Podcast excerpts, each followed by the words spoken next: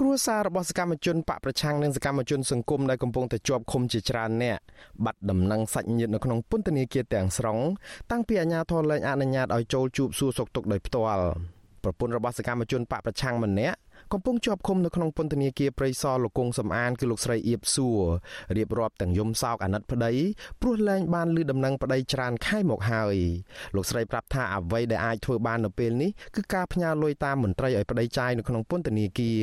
ហើយបើទោះបីជាលុយនោះទៅដល់ឬក៏មិនទៅដល់ក៏លោកស្រីមិនដឹងនោះដែរ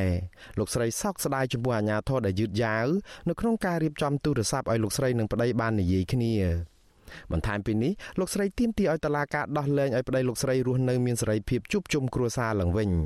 អាណិតគាត់ណាស់ពីវ័យខែទៅបីតែសមោផ្លូវក៏គ្មានដែរគេមិនអនុគ្រោះទេខ្ញុំពិបាកចិត្តណាស់ពិបាកចិត្តឲ្យតែនិយាយរឿងដល់គាត់ខ្លោចចិត្តអស់ហើយមិនគួរណាគេយកគាត់ទៅធ្វើអញ្ចឹងសោះគាត់ឆ្លោតដូតឲ្យមនុស្សល្អ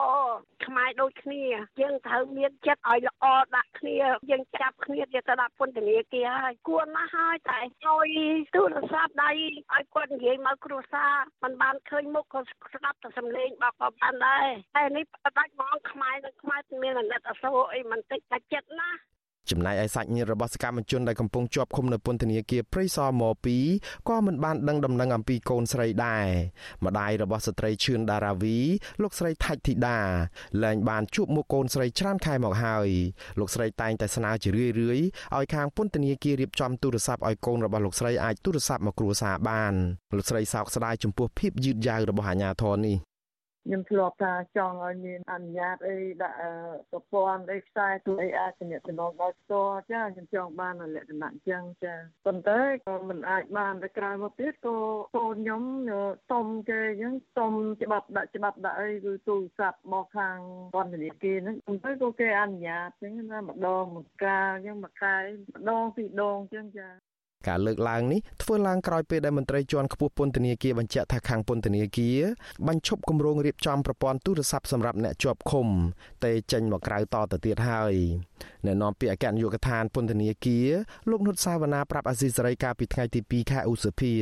ថាមន្ត្រីពន្ធនាគារបញ្ឈប់គម្រោងរៀបចំទូរស័ព្ទដោយសារតែជាប់រវល់យកចិត្តទុកដាក់នឹងបញ្ហាប្រឈមគឺការរាតត្បាតនៃជំងឺ Covid-19 នោះ លោកបារម្ភថាការរៀបចំប្រព័ន្ធទូរស័ព្ទនឹងក្លាយជាអំរែកបន្ថែមទៀតសម្រាប់មន្ត្រីពន្ធនាគារម្នាក់ម្នាក់គេកំពុងតែមានវិធានការកំពុងអនុវត្តតាមគោលការណ៍ណែនាំផ្សេងៗហ្នឹងប្រុងប្រយ័ត្នខ្លាំងណាស់ហើយបើគិតការងារនោះមួយទៀតនឹងខ្លាចវាពិបាករឿងរែកពុនដែរអញ្ចឹងពេលនេះយើងអត់ទាន់មានអីប្រែប្រួលទេឥឡូវការសិក្សាក៏កង្វែទៅជាការខិតខំប្រឹងប្រែងទប់ស្កាត់ជំងឺ Covid វិញ បើទោះបីជាយ៉ាងនេះក្តីក្រុមគ្រួសារអ្នកជាប់ឃុំនិងមន្ត្រីសិទ្ធិមនុស្សរិះគន់អាជ្ញាធរពន្ធនាគារថាមិនអាចដោះស្រាយរឿងមួយទុករឿងមួយចោលបាននោះទេពួកគេថាប្រសិនបើអាជ្ញាធររដ្ឋាភិបាលមិនដោះលែងពួកគាត់ឲ្យមានសេរីភាពនៅក្នុងគ្រានេះទេយ៉ាងហោចណាស់អាជ្ញាធរផ្ដល់សិទ្ធិឲ្យពួកគាត់មានទំនាក់ទំនងជាមួយគ្រួសារដើម្បីដឹងសុខទុក្ខផង។ ប្រធានផ្នែកសិទ្ធិមនុស្សនិងដីធ្លីនៃសមាគមអាតហុកលោកនីសុខាលើកទឹកចិត្តឲ្យអាជ្ញាធរពន្ធនាគារមានឆន្ទៈខ្ពស់នៅក្នុងការរៀបចំប្រព័ន្ធទូរស័ព្ទឲ្យអ្នកជាប់ឃុំបាននិយាយជាមួយនឹងគ្រួសារលោកយល់ថាការរៀបចំប្រព័ន្ធទូរស័ព្ទនេះនឹងជួយកាត់បន្ថយវិបត្តិផ្លូវចិត្តរបស់អ្នកជាប់ឃុំនិងគ្រួសារផង គិតថានេះជាឆន្ទៈខាងពន្ធនាគារទេបើសិនជាខាងគ្រប់គ្រងពន្ធនាគារមានឆន្ទៈពិតប្រាកដខ្ញុំថាមិនមែនជាការមួយដែលបាក់រហូតបានទេអាចឲ្យរហូតទៅដល់ក្រុមគ្រួសារគាត់កាន់ទូរស័ព្ទចេញមកធ្វើការជួបដូចពីមុនដែរប៉ុន្តែរបៀបជួបយើងជួបដោយតាមប្រព័ន្ធអនឡាញគេអាចមើលមុខគ្នាឃើញគេអាចមើលអីឃើញបានដូចគ្នានឹងបាទពីព្រោះឥឡូវគេធ្វើតាមអនឡាញនឹងច្រើនណាស់បាទអញ្ចឹងយើងមានតែស្នើឲ្យពន្ធនាគារនឹងគិតពិចារណារឿងនឹងឡើងវិញបាទ គិតមកទល់ពេលនេះមានសកម្មជនគណៈបកសង្គ្រោះជាតិសកម្មជនបរិស្ថាននិងសកម្មជនសង្គមជាង70នាក់ហើយដែលកំពុងជាប់ឃុំនៅក្នុងពន្ធនាគារ